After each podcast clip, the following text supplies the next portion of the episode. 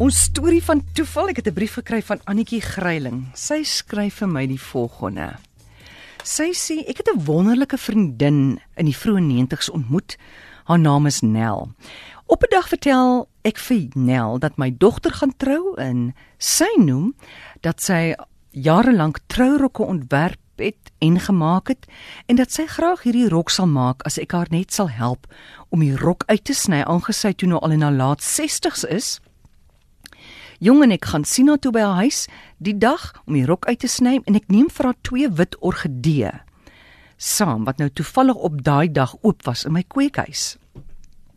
Dit was 'n wintertroue en sodoende het die rok 'n mantel van satijn gehad en die plan was om sagte vere om die mantel te werk.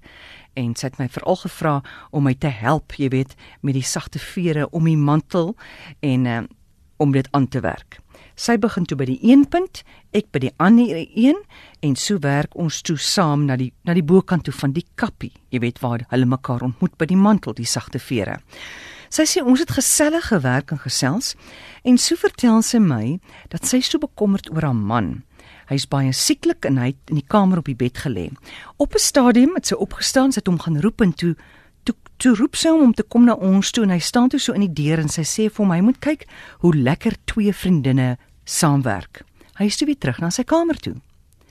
Na so ongeveer 30 minute steek sy die naald met mening aan die rok vas en sê vir my, ek moet tog kyk as sy sterf, wil sy nie blink hand vatsels aan die kus hê nie. En sy wil ook asseblief twee wit blomme op die kus hê.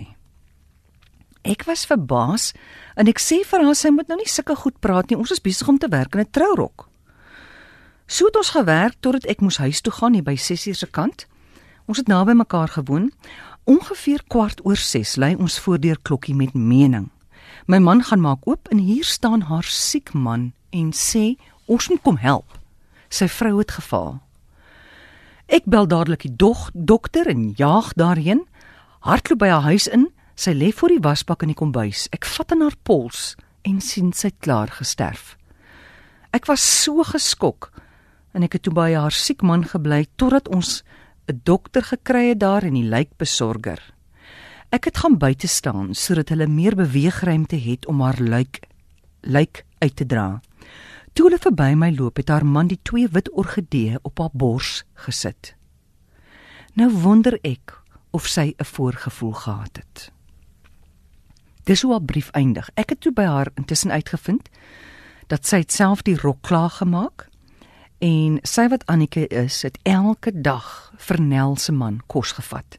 Hy is 5 jaar daarna dood. Sy was by hom toe hy dood is en sy was ook 'n draer by albei se begrafnisse.